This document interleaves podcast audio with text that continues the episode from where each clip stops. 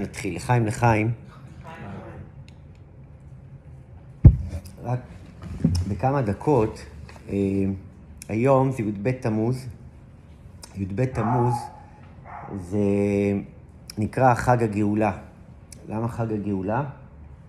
כי הרבי הרייץ, רבי יוסף יצחק, שהוא היה חמיב של הרבי, החותן שלו, הוא ב, ביום הזה הוא נכנס למאסר, הוא היה הרבי השישי שבאמת מסר את חייו, כמו כל הקודמים לו, מסר את חייו למען הגחלת היהודית, שיהודים יישארו יהודים ברוסיה, אחרי זה באמריקה, ולימים זה גם נהיה לובביץ' שמה ב-770 בניו יורק, והוא ממש מסר את נפשו ממש כפשוטו, והוא עבר ייסורים, והרוסים התנכלו לו,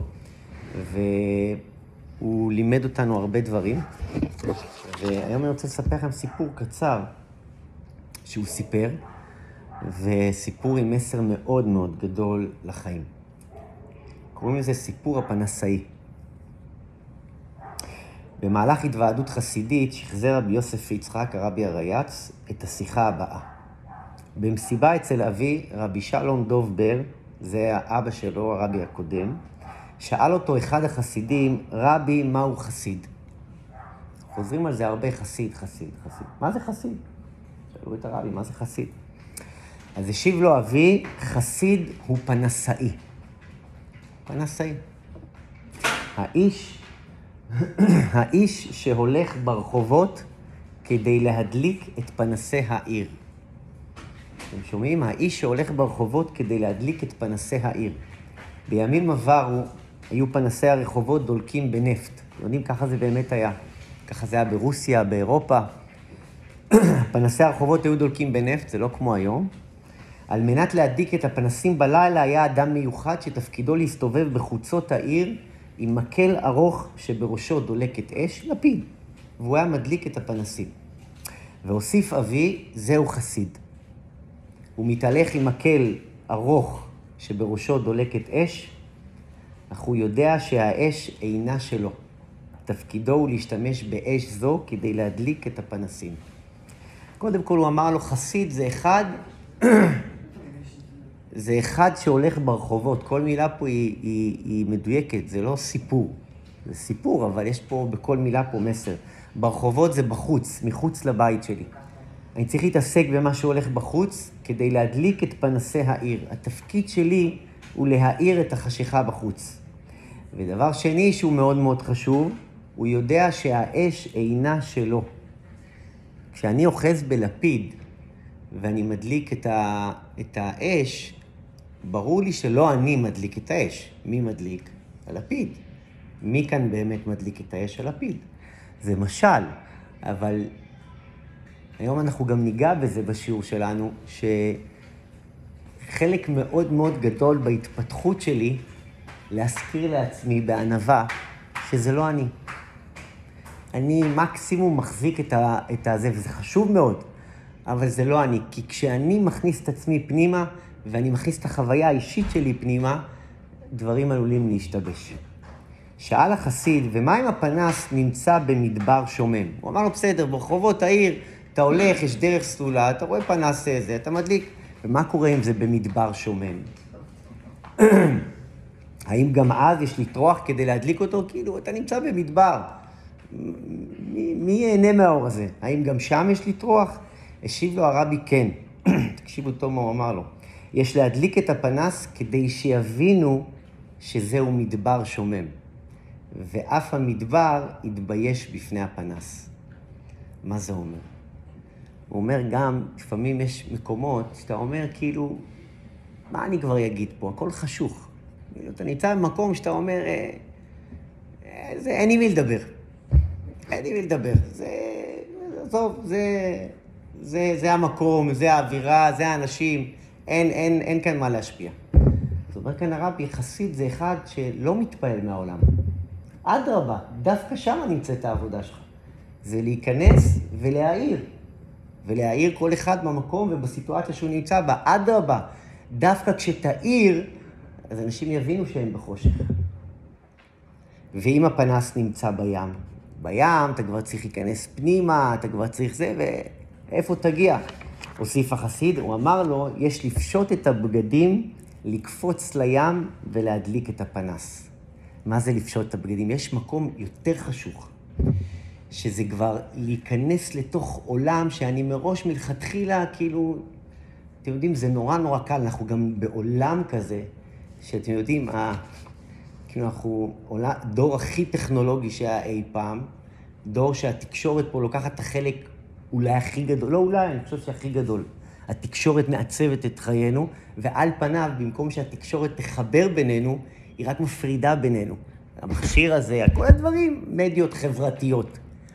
אפשר להגיד על המדיות הרבה דברים. אני לא בעד ואני לא נגד, אני גם משתמש בדברים האלה, אבל שם יש אה, סכנה אה, גדולה. אבל יש עניין שכשאתה מדליק את הפנס, זה לא רק במקום שמחכה לך. זה גם מקום שלא מבינים שהם בחושך. וגם במקום שספק אם יבינו שהם בחושך. אז עליך לפשוט את הבגדים. מה זה לפשוט את הבגדים? אנחנו גם בזה ניגע היום. לפשוט את הבגדים זה לצאת רגע מתוך ההנחות שלך ולהקשיב רגע למקום שאתה נמצא בו. האם זהו חסיד התפלא השואל? עכשיו תקשיבו טוב, רבי הרהר לרגע והשיב כן, זהו חסיד. אז הוא אמר לאותו יהודי, רבי, אינני רואה פנסים כאלה. הוא אמר לו, אני לא מכיר מישהו שמאיר בצורה כזאת, במצבים כאלה, אינני רואה פנסים. אז הרבי אמר לו, זה מכיוון שאינך פנסאי. כי אתה לא כזה. מה זאת אומרת? אנחנו כבר מתחילים קצת, מגרד בראש. וכיצד נעשים לפנסי? אז הוא אמר אתה יודע מה, אז אולי אני לא, אז איך עושים? אז הוא אמר לו, ראשית כל, יש לעדן את עצמך. כשתראה את הפנס שבך, תוכל לראות גם את הפנס שבאחרים. תראו איך עכשיו זה חוזר אליי. אתם יודעים, אנחנו, כאילו, חוזר על זה הרבה בתניא, האדמו"ר הזקן, אחד הדברים החשובים, את העולם נתתי בלבך. כשבן אדם הולך בדין לצורך העניין עם עצמו, הוא נורא ביקורתי כלפי עצמו, הוא נורא קשה עם עצמו, מטבע הדברים הוא גם רואה את העולם ככה.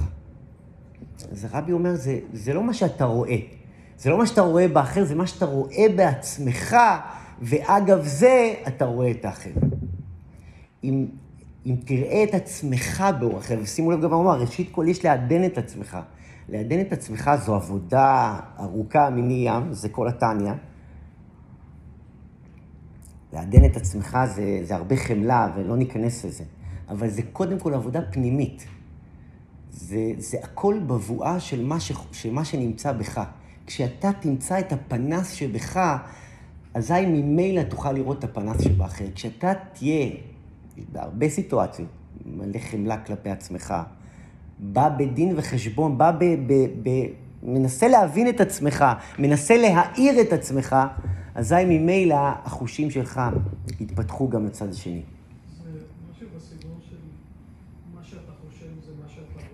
אה, כן, גם, כן, ודאי. זה, היה לנו על זה שיעור שלם, אבל בגדול, כן. זה הכל בעצם מערכת פנימית שבי, שבסוף יוצאת החוצה. אז הרבי ביום הזה היה בכלא ויצא מהמאסר, זה י"ב, י"ג תמוז, למה יומיים? כי הוא הגיע למשרדים, היו אמורים לשחרר אותו, ואז אמרו לו, המשרדים סגורים, לכן תבוא מחר, ולמחרת, שזה מחר, הוא השתחרר. זה היה שנת תרפ"ז, ולחיים לחיים. עכשיו,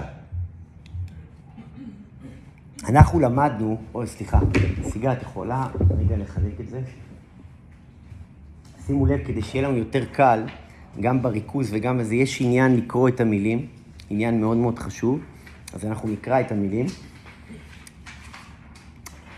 אם בשיעור שעבר דיברנו על הנקודה הזאת, שהמפתח ללב נמצא בשכל. שהמפתח ללב נמצא בשכל. אם אתה רוצה להשפיע על הלב שלך, תתחיל קודם כל מהשכל, ולא ההפך. והסברנו ופירקנו את עניין שמחה ומחשבה וכן הלאה וכן הלאה. עכשיו כאן האדמו"ר הזקן, בחלק השני של השיעור, הוא בא ולוקח את זה למעשה, לפרקטיקה. אוקיי? איך אני משתמש בשכל שלי? מה זה, מה זה, האדמו"ר הזקן בעצם בונה לנו מודל של חשיבה, חושב שהוא חדש, בהחלט חדש.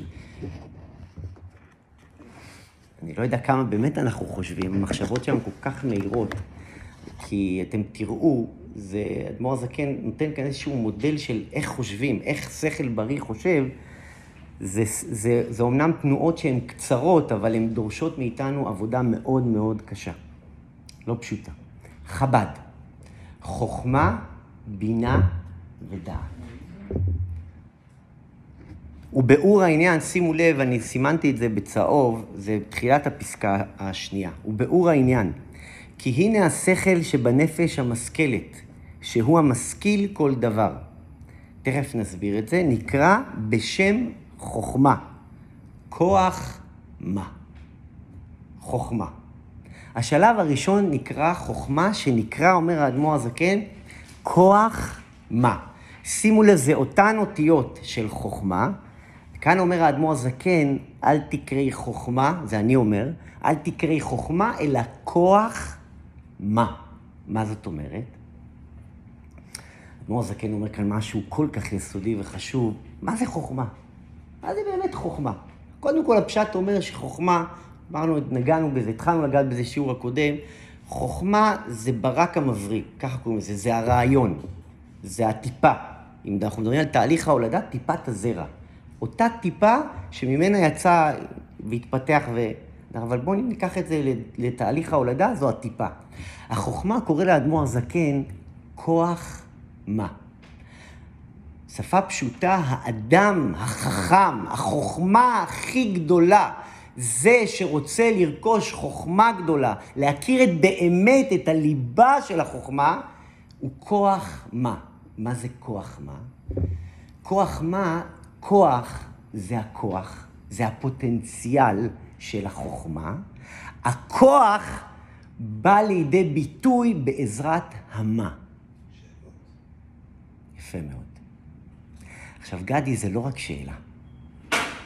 יפה שחיברת את זה מהר, אבל הכוח שלך, הכוח שלך, כוח החוכמה, הפוטנציאל האמיתי, השורשי, הטיפה של החוכמה, נמצאת במה. שימו לב מאותה מילה. הכוח נמצא במה. וכמו שגדי אומר, נמצא בשאלה. מה זה אומר? זה אומר חברים, שהיכולת שלך להתמלא, תקשיבו טוב, והלוואי וניקח את המשפט הזה, לחשוב עליו בשבוע הקרוב. היכולת שלי להתמלא תלויה דווקא ביכולת שלי להתרוקן. אתם שומעים מה אני אומר? היכולת שלי להתמלא תלויה דווקא ביכולת שלי להתרוקן. נכון, זה פשוט. וזה הדבר הכי קשה בעולם. הכי קשה. מה זה היכולת שלי להתמלא תלויה דווקא ביכולת שלי להתרוקן?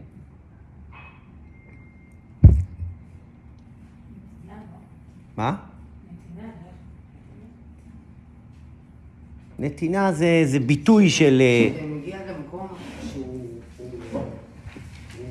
ריק כזה, אז אתה חייב, משם אתה יכול רק להתמלא. אתה יכול רק... יפה. משם אתה יוצא מהקופסה. אוקיי. משם אתה חייב לעשות איזה דרך. נכון. אתה לא יכול... אה, על פניו, על פניו, בדיוק. המשל הכי פשוט והכי מיידי לשכל, זה ככל שהכוס תהיה ריקה יותר, ככה ייכנס אליה יותר תכולה. על פניו, בחיים שלנו, תיקחו את זה לאיזה סיטואציה שאתם רוצים. כשאני באמת, באמת, באמת, אתם יודעים, פעם אמר, הרב ג'ייקובסון אמר, על, הוא אמר את זה על הרבי מלובביץ', הוא אמר ש... שזה אגב, אני שמעתי מהרבה אנשים ששוחחו עם הרבי אפילו לדקות אחדות, אמרו שכשהרבי מקשיב לך, כשהרבי מקשיב לך, רק אתה היית שם, הרגשת שרק אתה שם. היכולת שלי להתמלא תלויה דווקא ביכולת שלי להתרוקן, זה אומר שכשאני רוצה לקבל משהו חדש באמת, כדי לקבל את הדבר עצמו באמת, ככל שאני אזוז הצידה וייתן אפשרות לצד השני, לסיטואציה, לזולת, לכל דבר, כמה שאני אתרוקן מעצמי, ככה אני אוכל לדעת ולגעת ולהכיל יותר את הצד הראשון, את הצד השני. שזה, תדעו לכם, שזה אנטי הטבע של האדם. זה האנטי-תזה המוחלטת של האדם. כי כשאני בא להקשיב לך לצורך העניין, אני קודם כל בא עם, עם עצמי. וגם כשאני מקשיב לך, זה במקרה שאני מקשיב. לכולנו, ברוך השם, בטח בדור שלנו, קשה לנו להקשיב יותר מכמה שניות. אבל גם כשאני מקשיב, אני כבר, כאילו, את כבר מספרת לי על הבעיה שלך, ואני כבר בראש בונה כבר את ה... אני מבין, אני, אני, אני כבר יודע, אני כבר יודע לאן זה הולך, ואני כבר יודע מה הבעיה שלך, ואני כבר יודע איפה הבעיה שלך, ואני כבר יודע מה להציע לך. ואני פשוט שולף את התשובה. לרוב, זה לא פותר באמת את העניין. היכולת שלי להתמלא תלויה דווקא ביכולת שלי להתרוקן, זה קודם כל אומר, אם אתה רוצה באמת באמת ללמוד, תלמד. מה זה תלמד? תזוז הצידה. לצורך העניין, עכשיו אנחנו לומדים טניה. לחלק גדול מאיתנו, אם לא לכולנו, זה דברים חדשים לגמרי. אומר אדמו"ר הזקן, אם אתה רוצה באמת ללמוד טניה, אתה לא יודע. אגב, זאת נקודה מאוד מאוד טובה, מאוד מאוד טובה, שתדעו לכם. לא לדעת זה, זה לבוא ככלי ריק. אבל אם אתה בא לתוך התהליך הזה, ש... תשמע, תשמע, רגע, רגע, רגע, רגע. זה, זה מתחבא יותר, אין, ברור שבסוף אנחנו רוצים להתחבר לזה.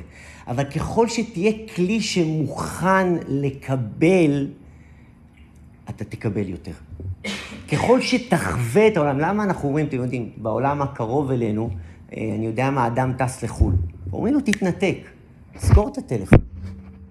הטלפון שלנו עובד כל היום, ואני לא מדבר רק על הטלפון הפיזי.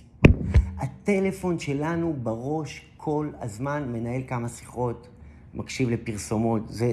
הטלפון מראה לי בעצם איזה עולם אני חי, אבל כולנו רב ערוצים. כולנו. וזה זה רק הולך ונהיה יותר ויותר, אבל... אתם יודעים, פעם קראתי על אחד, ה... על הרבי הרש"ב, שהוא הוא היה מלמד, אני חושב, ש... שש שיעורים במקביל, שישה שיעורים במקביל, וכל שיעור היה נושא אחר לגמרי. הוא היה מסיים את השיעור, ממש, עניין של דקות, היה נכנס לשיעור חדש. פעם שאל אותו, אני חושב ששאל אותו מישהו, איך אתה מצליח לעבור מעולם אחר לעולם אחר בתוך שניות? אז הוא אמר לו, כשאני, כשאני נמצא בעולם, אני נוכח לגמרי בעולם. אתם יודעים מה זה להיות נוכח בעולם? אתם יודעים מה זה להיות נוכח בתוך המקום שאתה נמצא בו? אתם יודעים שרוב העבודה שלנו ורוב הדברים שאנחנו משלימים, שאנחנו מנסים לעשות, שאנחנו מתקנים, שאנחנו זה, זה קודם כל כי אנחנו לא נוכחים ברגע. כי אנחנו לא מקבלים את הרגע כהווייתו. אין לנו רגע בכלל. אנחנו תמיד ברגע אחר. ואז, אגב זה, אנחנו חוזרים חזרה שוב לאותו רגע. פספסתי לדבר איתה, לא הבנתי אותה, לא... אני לצערי מרגיש את זה הרבה פעמים, לדוגמה, עם. עם הילדים שלי. שאני לא, אני, אני לא באמת יורד לעולם שלו. אני לא באמת, באמת, באמת, כי זה נורא קשה, זה, זה לזוז הצידה. זה, זה לא, זה כאילו, כי הטבע שלנו הוא, מעצם, מעצם הטבע שלנו, זה להיכנס פנימה. זה להכניס אותי ומתוך העולם שלי לקבל את העולם האחר. אומר האדמו"ר הזקן, אתה לא יכול לקבל. אתה יכול, אבל אם אתה באמת באמת רוצה לקבל את הרעיון, אתה קודם כל צריך להתרוקן מעצמך. באמת באמת להתרוקן, ובפשוט, זוז הצידה. תקשיב, אל תביא את עצמך לתוך הסיטואציה. אתה מדבר עכשיו, לא יודע, עם הבת זוג שלך, עם הבן זוג שלך, תקשיב לו. תשמע את העולם שלו. ואגב, בשלב הראשוני, כי יש כאן שלושה שלבים, בשלב הראשוני, אל תחשוב על כלום, תקשיב רק לו. תקשיבו טוב, בשלב הראשון הפשוט, תכיל. אל תחשוב כבר מה אתה הולך להגיד, אל תחשוב מה אתה מבין, אל תחשוב איך אתה מבין. אני גם אגיד לכם יותר מזה, אל תנסה להבין, תקשיב. אתם יודעים מה זה כשבאמת נקשיב? גם אם לא נבין, וגם אם כן נבין, וגם אגב, מה לעשות, אישה וגבר לצורך העניין, זה שתי מערכות הפעלה שונות. קשה מאוד, גם לגברים נשואים, שנשואים 30 שנה, קשה מאוד. אנחנו מתרגלים אחד לשני, אבל נורא קשה להבין. שלב ראשון אומר לך האדמו"ר הזקן, גם אל תנסה להבין, תקשיב, זוז, אל תחשוב, אל תרוץ קדימה, תקשיב למה שהוא אומר לך. אני מדבר פה על מערכת זוגית ועל כל דבר. תהיה נוכח, תתרוקן, תקשיב לידיעה, אל תעשה איתה כלום. אתם יודעים, יש אה, אה, הרב ראובן דוני, עליו שהוא נפטר לפני כמה חודשים. הוא היה החויזר של הרבי. מה זה חויזר? זה אחד, תקשיבו טוב, היו צוות כאלה, אבל הוא היה ראש הצוות, שהוא היה מקשיב לרבי מלובביץ', נגיד בשבתות, וימים טובים שאי אפשר להקליט, הוא היה מקשיב לו במשך בין 6 ל-11 שעות. יש אגב וידאוים, כשזה היה בימי חול, הוא היה מקשיב לו. אני אגב ראיתי את התמונה הזאת שהוא ככה, הוא פשוט ככה. ו- ואמיתי, אמיתי, אמיתי, אני אומר לכם, זה, אני פשוט יודע, לא ממקור ראשון, כי זה, אבל הוא נפטר רק לא מזמן. הוא היה מקשיב לו במשך שמונה, שש עד אחת עשרה שעות, ובצאת השבת, בצאת החג, הוא היה פשוט חוזר על הדברים מילה אחרי מילה, וצוות שלם, צוות שלם של אנשים פשוט כותב את מה שהוא אומר. זה מדהים, מעבר לכישרון, וזה, הוא דיבר על זה פעם, שהוא אמר שכשאני נכנס להתוועדות, כשאני מקשיב לרבי, אני בא כמו רשמקול, כך הוא אמר. אני בא כמו מקליט. המקליט הזה, לצורך העניין, מה, המקליט עכשיו חושב מה אני חושב? המקליט עכשיו, אה, אתם יודעים, לזה קוראים, אנחנו עוד נלמד את זה המון בחסידות, אבל זה היסודות. וזה נקרא ביטול. ככל שתהיה רשמקול, מה, מה, מה רשמקול עושה? אחרי שאני מסיים את ההקלטה, את מי שומעים? את הרשמקול? שומעים אותי, שומעים את הדבר עצמו. תחשבו מה זה, בכלל, אגב, זה, זה נוסחה בדוקה במערכת המשפט, בכלל, במשא ומתן. כשהצד השני, גם, טוב, זה גם פועל גם על הצד השני, אגב, דיברנו על זה עכשיו, ישבתי עם איזה מישהי מאוד מאוד, אשת עסקים מאוד מאוד גדולה, שהיא אמרה לי, כשאני מנהלת אה, אה, אה, דיאלוג, אגב, גם, גם היא אשת עסקים מאוד גדולה, היא אמרה, גם כשאני אני, אני, אני, אני, אני חושבת לגמרי הפוך מהצד השני, אז תחשבו כמה זה קשה לשמוע כשאתה... תחשבו מה זה לשמוע את הצד השני כשהוא, כשהוא בדיוק הפוך ממה שאתה חושב. לגשת לשם ורק להקשיב לו. והיא אמרה לי את זה, בשבת, עשינו שבת ביחד, היא אמרה לי, כשאני באה למשא ומתן, אני משתדלת לנתק את המחשבה שלי ורק להקשיב לו. אתם יודעים שהצד השני מרגיש את זה. חד משמעי מרגיש את זה. על אחת כמה וכמה, גם כשאת לא מגיבה, את נותנת לו לדבר. אגב, בית שמאי ובית הלל, שני, שתי, שתי האבות, שני הבתים שבונים את ההלכה היהודית, כל המסגרת היהודית, אומרים שבדור שלנו הלכה כבית הלל. בית שמאי זה החומרה ובית הלל זה הכולה. למה הלכה כבית הלל? כי היו הרבה דברים שבית שמאי היו. אז ידוע שבית הלל, אחת ה... לא אקרא לזה חלילה טכניקה, אבל כתוב שכשבית הלל היו ניגשים למשפט, לשופט, תחשבו מה זה. בית הלל בטוח מאה אחוז בצדקתו. בית שמאי בטוח מאה אחוז בצדקתו. השופט אומר, בית הלל תתחיל אתה. בית הלל עולה לדוכן העדים, כתוב, מספרים על זה, בית הלל עולה לדוכן העדים, אתם יודעים מה, מה הרבע שעה הראשונה שלו? לחזור על מה שבית שמאי אומר. במשך רבע שעה, או כמה זמן שזה לא יהיה, הוא חוזר על כל הסברה והטענה של בית שמאי. הרי כל העולם שלי, קודם כל אני. לא רוצה לשמוע אותך, לא רוצה להקשיב לך, לא... אני, רגע, רגע, אני, אני, גם אם אני מקשיב, אני עושה איזו עבודה פנימית קשה, אתה מחזיק בדיוק דקה, שתיים, שלוש, ארבע, וגם אם הקשבתי חמש דקות, אני לא באמת הקשבתי כל החמש דקות האלה, אני רגע, מתי תסיים לדבר, מתי תסיים לדבר. אתם יודעים מה זה בית הלל? שהוא במשך רבע שעה, ו- ובוא, זה על דינים מאוד מאוד משמעותיים, זה, זה הגורל העם היהודי, זה לא סתם פה על, אה, על אה, רמזור, אה, אני יודע מה, בכביש, זה על דברים מהותיים. במשך רבע שעה. בית הלל חוזר, וברצינות, לא כאילו חבר, כמו שאומרים בית משפט חברי אומר, והוא מת... בית הלל, באמת מתוך מקום של כבוד, משמיע קודם כל את הטענות אחת לאחת של בית שמאי. אתם יכולים להבין גם עוד לפני מה קורה, מה לא קורה. אחת הסברות אומרת, בגלל זה הלכה כבית הלל, כי ככה מנהלים דיון. אתם יודעים מה זה לגשת לדיון ככה? איפה זה שם אותך? עכשיו, אני לא... זה אני קצת, אה, איך הרב שלי אומר, אתה מזנה את זה עכשיו, אבל מה זה עושה לך? זה כאילו... ועכשיו, אני לא מנסה לעשות, אה, אני יודע מה, גאווה, כי זה בדיוק ההפך מכוח מה. אבל אתה מעלה את הדיון, אתה לא מפחד מהצד השני, אתה נותן לו מקום. ואגב, גם עם ענווה גדולה, יכול מאוד להיות שכשתעלה את הסברה שלו, אולי באמת תמצא מקום שבאמת הוא צודק. וגם, אתם יודעים, בכלל דיאלוג, זה, נדבר על זה עוד בזה, כי יש מקומות שמדברים על דיאלוג. בכלל דיאלוג זה, אתם יודעים, אה, פעם, אה, פעם הרב אה, שלמה אוירבך, זכר צדיק לברכה, שהיה גר בבני ברק, שאשתו נפטרה והם היו, טוב, יש הרבה סיפורים על הזוגיות שהייתה להם, אז כשהוא קבר אותה, אז הוא אמר, הוא אמר נהוג, כש, לא עלינו, כשקוברים קרוב, אז כשמבקשים סליחה מהנפטר. אז הוא אמר לה, ולי אין מה לבקש סליחה ממך, כי אף פעם לא פגעתי בך. איך הוא אמר? ואז אחד ה...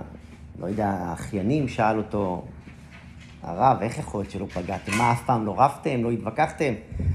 אז הוא אמר לו, אני לא זוכר בדיוק את המשפט, אבל זה כתוב, הציטוט, שהוא אמר לו, שהוא אמר לו, אני לא זוכר מה הוא אמר לו, הוא אמר לו, תמיד, אה, גם כשלא הסכמנו, והיו מקומות שלא הסכמנו, לא הסכמנו על הדבר עצמו.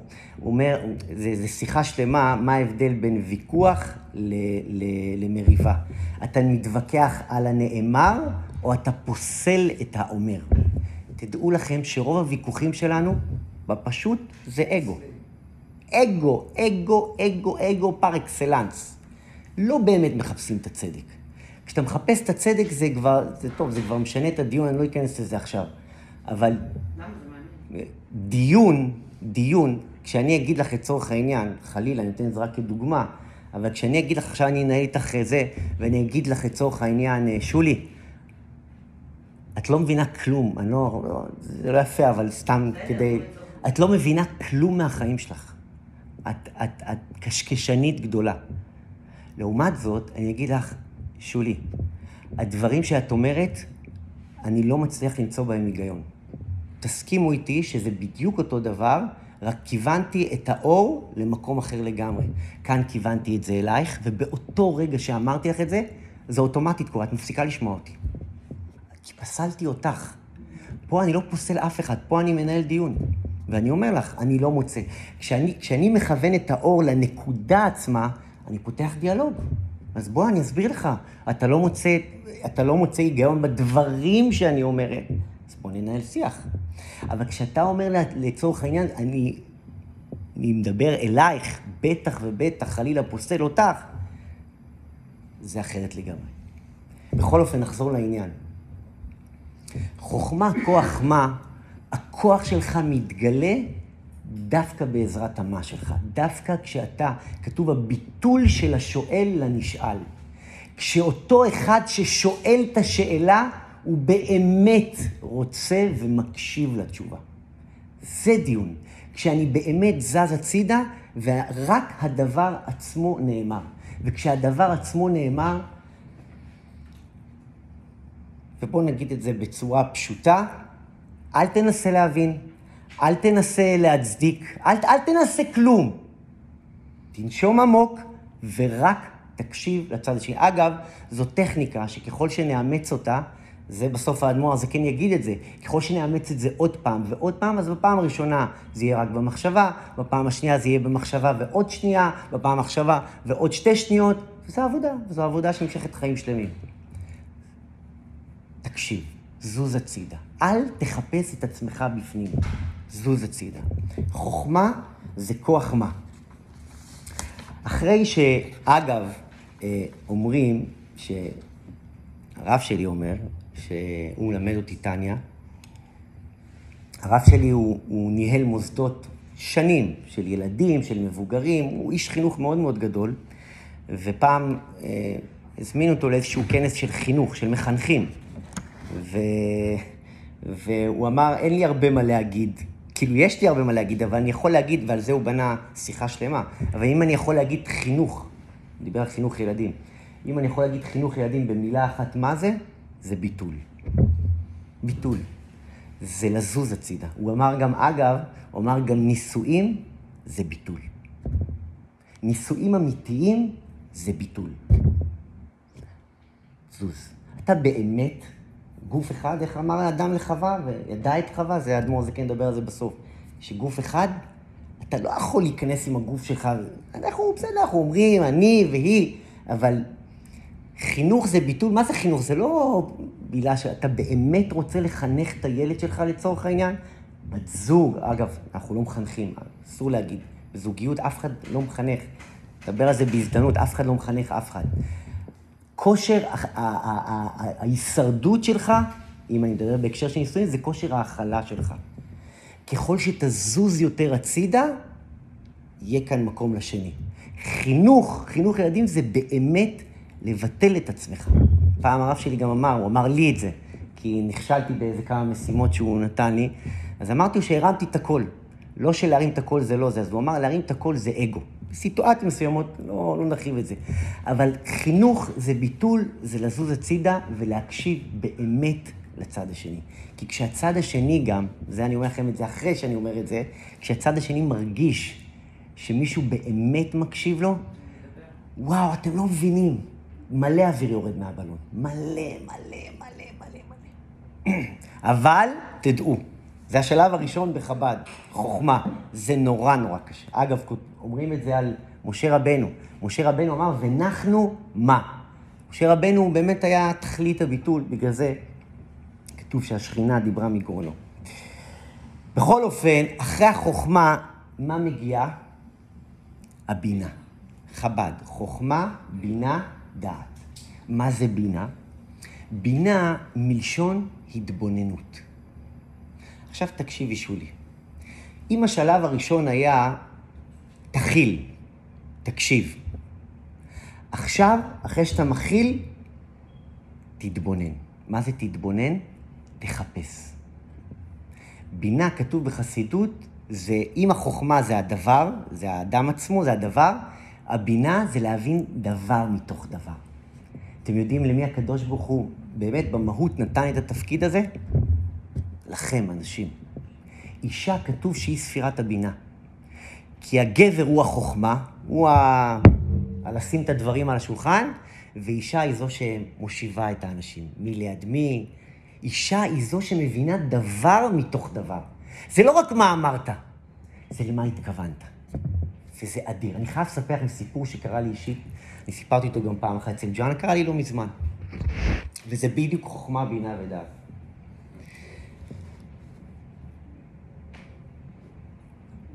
חלק מהשבוע שלי, אני מן הסתם מוסר שיעורים, ולפעמים כשאני בא הביתה, אני צריך, מה לעשות, אני צריך, יש לי חובות גם בבית, אני צריך לעזור בבית.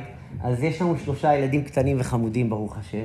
אז uh, אשתי מכעיסה אותי לשעתיים של uh, עזרה. לא תמיד אני נוכח, אבל... Uh, ואני כזה, בגלל שזה, אז בכלל, באופן שלי, לטוב ולמוטב, אני מאוד משימתי. אז אני יודע, יש לי שעתיים מחמש עד שבע, אז בשעתיים האלה אני כבר מסדר לי בראש. זה לא דבר טוב.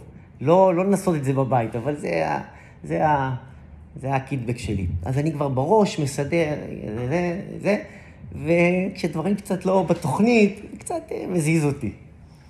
בכל אופן, קילחנו את הילדים, ואז היו שני ילדים בזה, מנדי ועלמה. והיה איזושהי סיטואציה שהם מתקלחים, ואז היה איזה רגע שיצאתי החוצה, ומנדי התחיל לבכות, ישי ישן בחדר, ישי זה התינוק, ואז אה, זה, ואז עלמה כזה דחפה אותו, אבל צעקה עליו, אתה לא תרים את הכל פה בבית, ו... ומנדי התחיל לבכות, אני סיטואציה מוכרת. עכשיו, אני בא ורואה את הסיטואציה, האחות הגדולה צועקת על האח הקטן, ואני, מה לעשות, בשר ודם, צעקתי עליה בחזרה? לא צעקתי, אבל הרמתי לה את הקול. למה את צועקת על אחיך הקטן? ו... לא היה צעקה, אבל זה, זה היה בטון חריף. אז גם עלמה התחילה לבכות. ואתם יודעים, אז חגיגה. אבל עלמה, ברוך השם, בסך הכל ילדה בוגרת. לא משנה, אחרי זה לקחנו אותם למיטה, וסיפור קטן וזה, ואז קלטתי, אתם יודעים, אבא, אימא קולטים את הילד שלהם, ואז קלטתי שעלמה כזה בצד, היא לא נותנת לי נשיקה, ולא אומרת לי אבא לילה טוב. טוב, צריך לנהל שם, יש שם איזה שיחות אה, שלום שצריך לעשות. מנדי נרדם, ואז באתי לעלמה. ואמרתי לעלמה, הכל בסדר? ואז היא אמרה לי, אבא, שתדע לך שלא היית צריך להרים עליי את הכול. אמרתי לה, למה? אז היא אומרת לי, כי שתדע לך שאני אני צעקתי על מנדי, כי ידעתי שאם מנדי יעיר את ישי, אתה לא תספיק, אתה תצטרך להרדים את ישי בחזרה ואתה לא תספיק לשיעור. ואני דאגתי לשיעור שלך. אני אומר לכם, אני אומר לכם, מה, זה, זה אאוץ', זה קרה לפני, לא יודע, ארבע, אני, אני, הנה, אני אומר לך, יש לי את זה, כאילו, זה באמת, זה שלח אותי לניתוח לב פתוח, באמת, כאילו, יש, יש, יש, יש כאילו מה עשית, או, ויש מה התכוונת לעשות. כי אם הייתי שואל אותה את אותו דבר, הייתי אומר, את יכולה להגיד לי מה התכוונת לעשות כשהרמת קול על מנדי? הרי פשוט שהיא הייתה אומרת לי, כי כשאתה אומר מה התכוונת, אז, אני, אז היא תגיד לי, אז, היא רוצה, אז מישהו פה רוצה להקשיב לה. אז כן, אבא, מנדי יאיר את אישה ואתה לא תאחר לשיעור. אז פשוט שלא הייתי מרים עליה את הקול. עכשיו, תחשבו גם, בואו, אנחנו הרי בשר ודם, אנחנו עכשיו יושבים בסבבה, אבל בתוך הסיטואציה הזאת, אם היה קודם לזה החוכמה, זוז רגע, אל תנסה להבין אותה, תזוז רגע, תהיה נוכח, שתוק, תכיל, בינה, תחפש.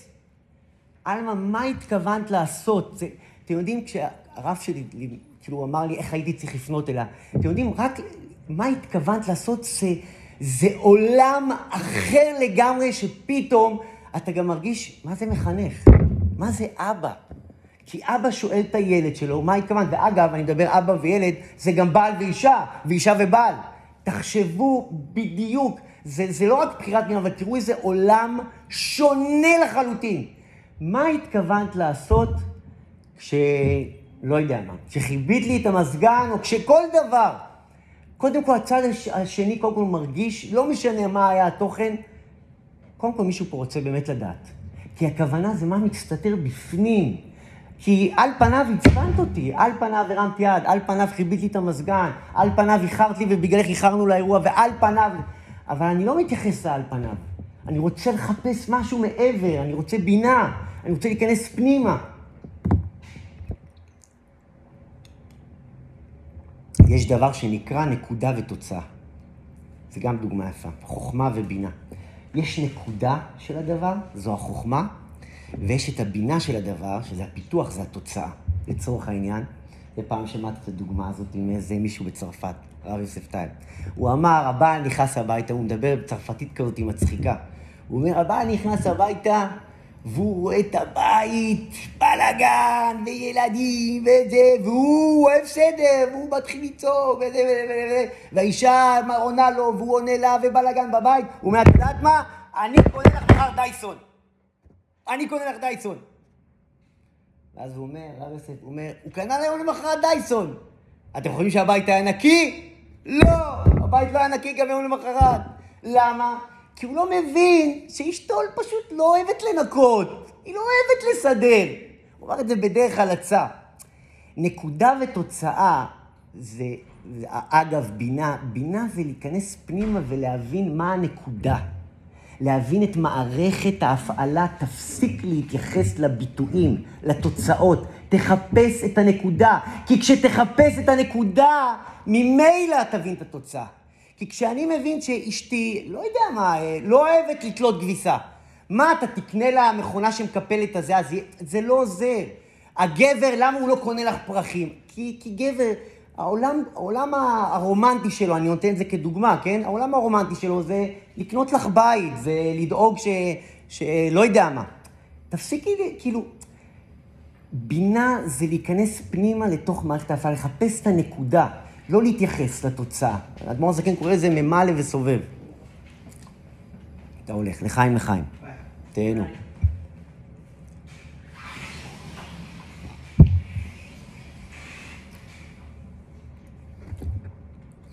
זה לא, לה... זה, יש, אתם יודעים, יש מניע, או יש איזה פרק שלם, מניע ומנוע.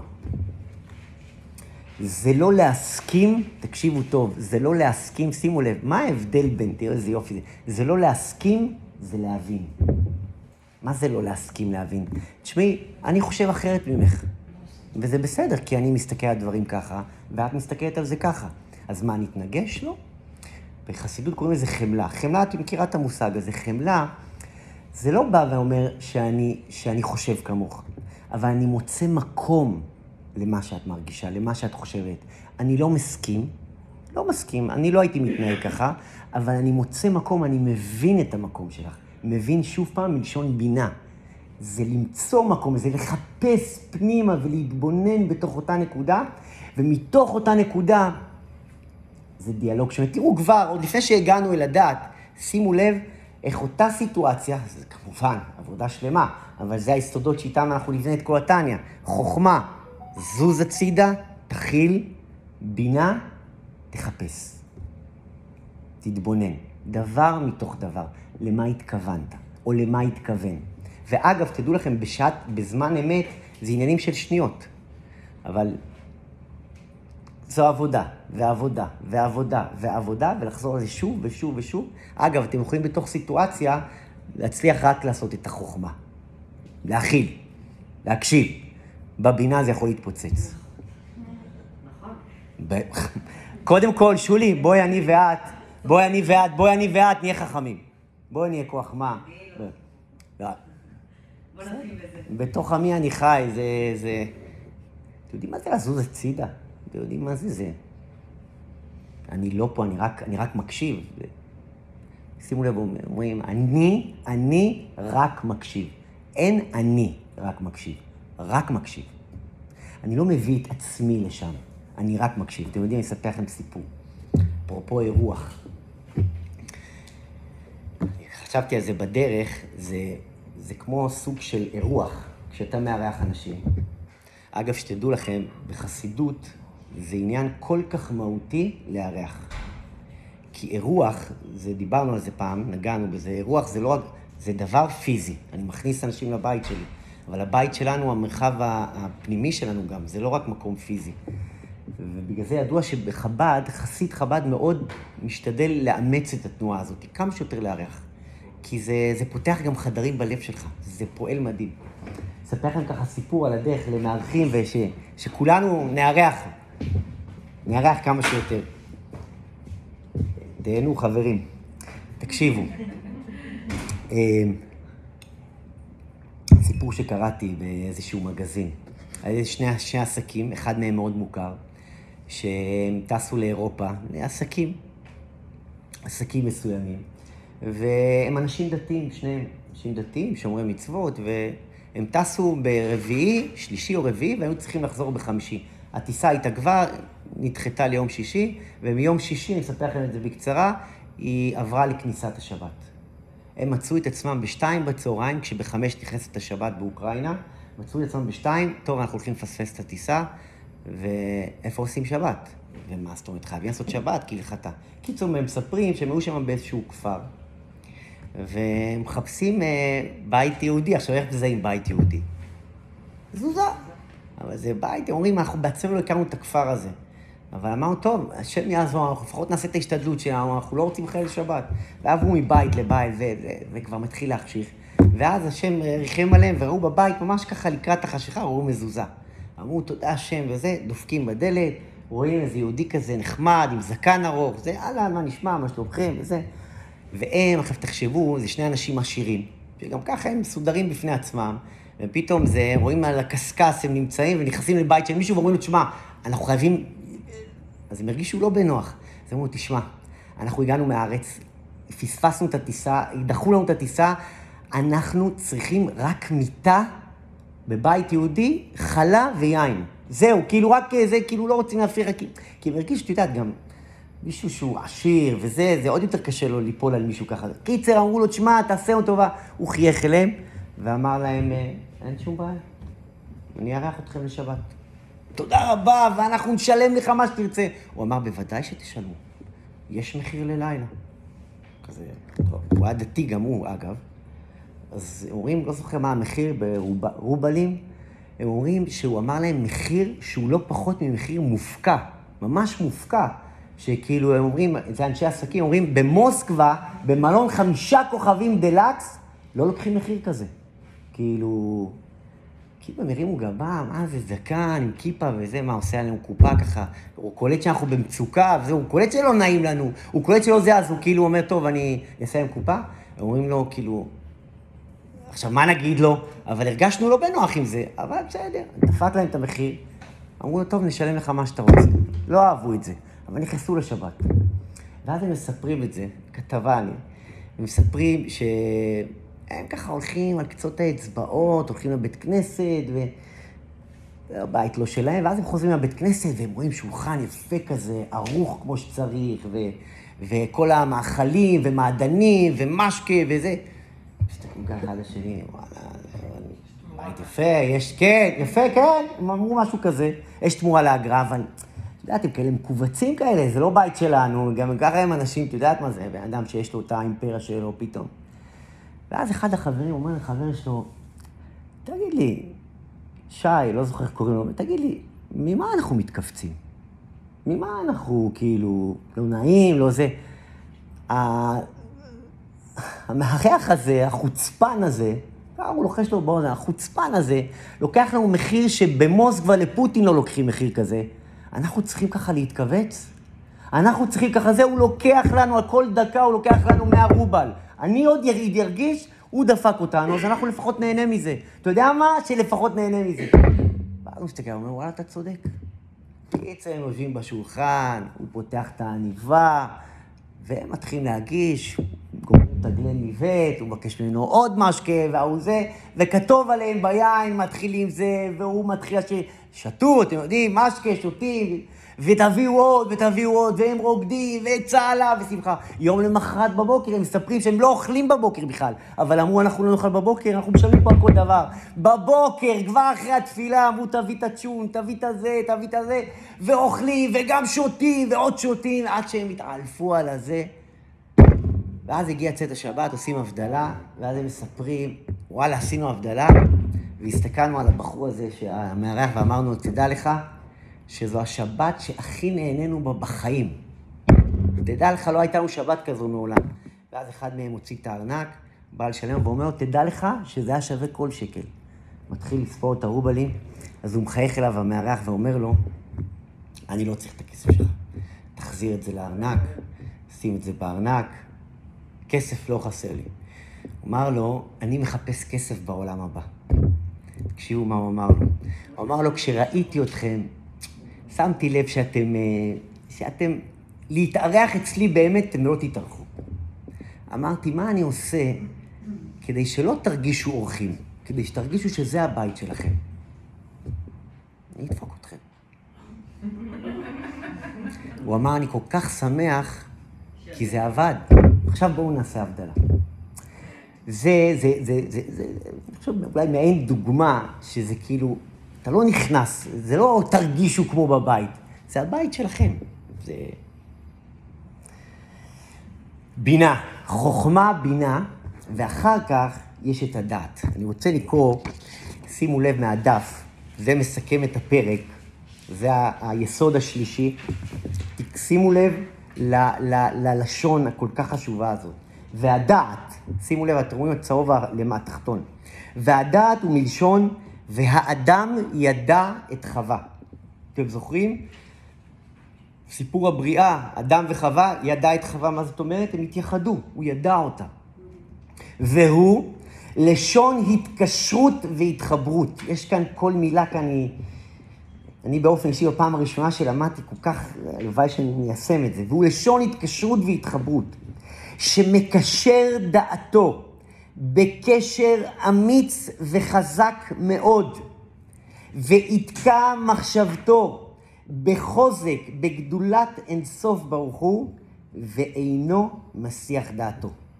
אני מסיים ואומר, כי אף מי שהוא חכם, תכף נסביר, ונבון בגדולת אינסוף ברוך הוא, הנה אם לא יקשר דעתו ויתקע מחשבתו בחוזק ובהתמדה, לא יוליד בנפשו יראה ואהבה אמיתית, אם דמיונות שווא. מה זה אומר? אדמו"ר הזקן אומר, הרבי פעם אמר שהדור שלנו זה דור של דעת, שהדבר שהכי חסר לו זה דעת. ודעת, ודעת ב, ב, בשפה פשוטה זה להתחבר. זה להרגיש את זה, זה להוריד את זה ללב. זה כתוב ש, שאתה והידיעה הופכים לדבר אחד. לצורך העניין, אם התחלנו בהתחלה, בהתחלה, ואמרנו זה תהליך ההולדה, אז אם החוכמה זה הטיפה, ואם הבינה זה הרחם, הדעת זה הילד, התינוק עצמו שנולד. זה כשאתה מרגיש את הדבר, כשאתה מתחבר אל הדבר וזה יורד פנימה. כי שכל, אתם יודעים, פעם שאלו את אריסטו, קראתי את זה באיזשהו ספר, שראו אותו אוכל, לא זוכר איזה בהמה, ואוכל אותה בכזו חזירות. שאלו אותו, איך אתה מדבר על דברים פילוסופיים ונעלים בצורה כל כך גדולה, ואתה אוכל ככה כמו בהמה? אז הוא אמר, מה שאני מדבר איתכם זה שכל, והשכל נשאר בשכל. כשאני אוכל, הלב מדבר. כאילו זה יכול להיות, חברים, זה באמת יכול להיות, אנחנו מכירים את זה גם סביבנו בחיים. אתה יכול להיות אדם עם ידיעות כל כך גדולות, אבל הידיעות בהחלט יכולות להיות מנותקות מהלב. אתה יכול ללמוד דברים גדולים. אגב, אנחנו גם יכולים לסיים את הפרק כאן ולצאת החוצה, ומה לעשות? מישהו יצפור לנו, או מישהו לא יודע מה זה, הלב... בסדר, וזה לא אומר שלא למדתם, אני חייב להגיד, אנחנו בהתחלה, בהתחלה, בהתחלה. אבל דעת, חוזר על זה אדמו"ר הזקן, תראו מה זה, שמקשר דעתו בקשר אמיץ וחזק מאוד. אומר אדמו"ר הזקן, זה להוריד את זה ללב בעבודה קשה, קשה, קשה. זה ללמוד משהו, את למדת עכשיו משהו ואת שואלת את עצמך, איפה אני, איפה אני שמה? איפה אני לוקחת את זה פנימה? הדבר הזה מדבר עליי. איפה מה שלמדתי היום מדבר עליי? איפה אני לוקחת את זה פנימה, למטה? איפ, איך אני מחברת את זה ללב שלי? ותדעו לכם, לחבר את זה ללב, זה הדבר, זה, זה התכלס. זה, זה, הזוהר הקדוש אומר שזה, זה, זה הבניין, הדת. כי זה בסוף לחבר את זה. זה לקחת את מה שלמדתי, חבר את זה ללב, ואז כשזה בלב, זה לא רק היה השכל, השכל התחבר ללב, ואז ממילא המעשה נראה אחרת לגמרי. ואז לצורך העניין, את זוכרת מה אמרת כשסיפרתי על סיטואציות של הילדה שלי? זה האאוץ', הלב דיבר, דעת. שימו לב איך זה התחבר אחד לשני. פתאום אתה אומר, הילדה פתאום נכנסה לך לתוך הלב והפכה אותו. אז הלב הרגיש כאילו, איפה אבא? איפה... זה אני, אני פספסתי כאן בגדול. זה לבוא ול... בינה ודעת זה, זה להוריד את הדבר, זה לזוז הצידה, להתבונן, לחפש. ואחרי שחיפשתי, להתחיל להוריד את זה למטה למטה, כי העבודה הזאת היא מאוד מאוד קשה. עבודה בזוגיות, עבודה בחינוך, עבודה בעבודה, בממונים, ב... כל הזמן להוריד את זה עוד הפעם ועוד הפעם ועוד הפעם. תיקחו לכם, אגב, יש, זו שיטת עבודה, לקחת אפילו משפט, לקחת אפילו איזושהי תובנה, משהו אחד שהתחברת, לדוגמה, מהשיעור, ובאמת, אני מדבר בשיא הרצינות, אפילו במילים, לחזור עליו. הכושר שלי להתמלא תלוי בכושר שלי להתרוקן. הכושר שלי להתמלא תלוי בכושר שלי להתרוקן. זה חברים, אני, אני, אני מדבר בשיא הרצינות, זה כתוב בקבלה, להתבונן במילים. לחזור על זה עוד הפעם ועוד הפעם. תאמינו לי, נני אמרה לי מקודם, בתחילת השיעור, ש, שהיא שומעת את ההקלטה, וכל פעם שהיא שומעת את ההקלטה עוד פעם, היא אומרת, רגע, אבל את זה לא שמעתי בהקלטה הראשונה. זה התבוננות. הבעל שם טוב אומר שכל פעם שחוזרים מאיר אור חדש. להתבונן זה באמת עוד הפעם ועוד הפעם. איפה אני שמה? איפה זה מתחבר אליי? איך אני מורידה את זה אליי, למטה, ללב שלי? איך אני מחברת את זה, מקשרת את זה? תראו, בקשר אמיץ, ויתקע מחשבתו בחוזק. זה כי אנחנו כל הזמן בהיסח הדעת. רגע, זה לא, לא, עוד הפעם. תחזור לזה, תחזור לזה. ותחזור לזה, ותחזור לזה, ותחזור לזה, ותחזור לזה, ותחזור לזה, ותחזור לזה, ותחזור לזה. ואני אומר לכם, בדוק, בדוק. אם באמת ובתמים. ת, תדעו לכם, אפילו שתי דקות ביום, שתי דקות ביום. תתבוננו במשהו, תחזרו עליו, תכתבו אותו. קחו משפט, משפט, משפט אפילו מה, מה, מה זה אפילו? יש כאן דברי אלוקים חיים. תיקחו משהו, לשון התקשרות והתחברות. בקשר אמיתי, תיקחו ותחזרו על זה עוד הפעם, ועוד הפעם, ועוד הפעם, ועוד הפעם. הגוף, אגב, זה פרק ד', הפרק הבא. ככל שנשתף את הגוף שלנו בתהליך, הוא יצטרף למקום. כי בסוף, מי, מי שולט בסוף?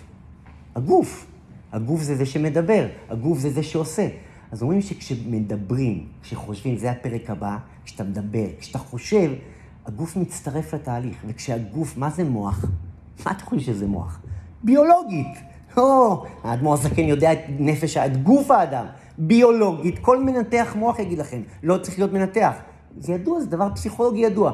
ככל שתשנן ותחזור, הדבר ייחקק בלבך, כמו מכון כושר. תתאמן, תתאמן, תרים, עוד הפעם ועוד הפעם ועוד הפעם, אשר יתפתח. על אחת כמה וכמה ואלף אלפי הבדלות, כשאתה מתבונן בדברים האלה, תוריד את זה ללב. איפה זה קשור אליי? איפה זה מתחבר אליי? עוד פעם, אם אני לוקח את הסיטואציה הזאת של, ה... של הילד, זו הילדה שלי. זו הילדה שלי, והיא התכוונה, יש לה כוונות טובות. איפה להתבונן בסיטואציה הזאת ולהוריד את זה. איך אני מנהל פעם, פעם הבאה את הסיטואציה. איך אני ניגש לסיטואציה מפעם הבאה. זה, זה, זה, זה מדהים לגמרי, ואחרי ש... בוא נגיד ככה, אחרי שהבנתי, הרגשתי, עשיתי. בסוף, תראו איך... מה עושה כאן האדמו"ר הזקן? ועם זה אנחנו מסיימים. האדמו"ר הזקן נכנס לנו ככה הרב שלי פעם אמר, זה להנדס את החשיבה שלנו מחדש. באמת. זה דברים שבגדול, יכול להיות ששמעתם מעין זה, מעין זה, מעין זה. אבל יש כאן משנה סדורה, זה לא דברים באוויר. איך באמת מתמודדים, איך, מה זה הלך חשיבה נכון, שהוא הלך חשיבה שאגב גם מוליד מחשבות חדשות, דיבורים חדשים, בטח ובטח את הילד, את התינוק, מעשים חדשים. כשאנחנו נתחיל, ואגב, ההתחלה שלנו זה רק להניח את הדברים בראש. קודם כל להניח. לצורך העניין, אתם הולכות, הולכים, הולכות הביתה עכשיו, איפה מחר? אגב, לכולנו יש סיטואציה, בעבודה, בבית, בכביש, לא משנה איפה, שאני יודעת שאין חוכמה שם. אין חוכמה, אני מתפרצת. אני... בואו רגע נחשוב על הסיטואציה הזאת. אני, אני לא מבינה, אני, אני, אני, אני לא יכולה להבין, אני לא זה, אבל אני, אני מכילה. ביטול. כוח מה? זזה. זזה הצידה. אני מוכנה להקשיב. אני רק מקשיבה, אני משתדלת לזוז הצידה לגמרי. קחו את הלבנה הראשונה. אני אומר לכם, הראשון שירגיש, ירגיש מה זה משמעות, מה זה, מה זה להיות אדם, קוראים לזה אדם עליון, להרגיש פתאום, אני לא איזה רובוט, אני לא איזה בהמה שמגיב, שהעולם מכתיב לי את ההתנהגות שלי, אלא אני מכתיב את ההתנהגות, זה נראה אחרת לגמרי. חברים, חוכמה, בינה ודעת. תכיל, תחפש ותתחבר. תוריד את זה ללב ותוריד את זה כמה שיותר, שאתה והידיעה תהפכו לדבר אחד, לחיים, לחיים, לחיים.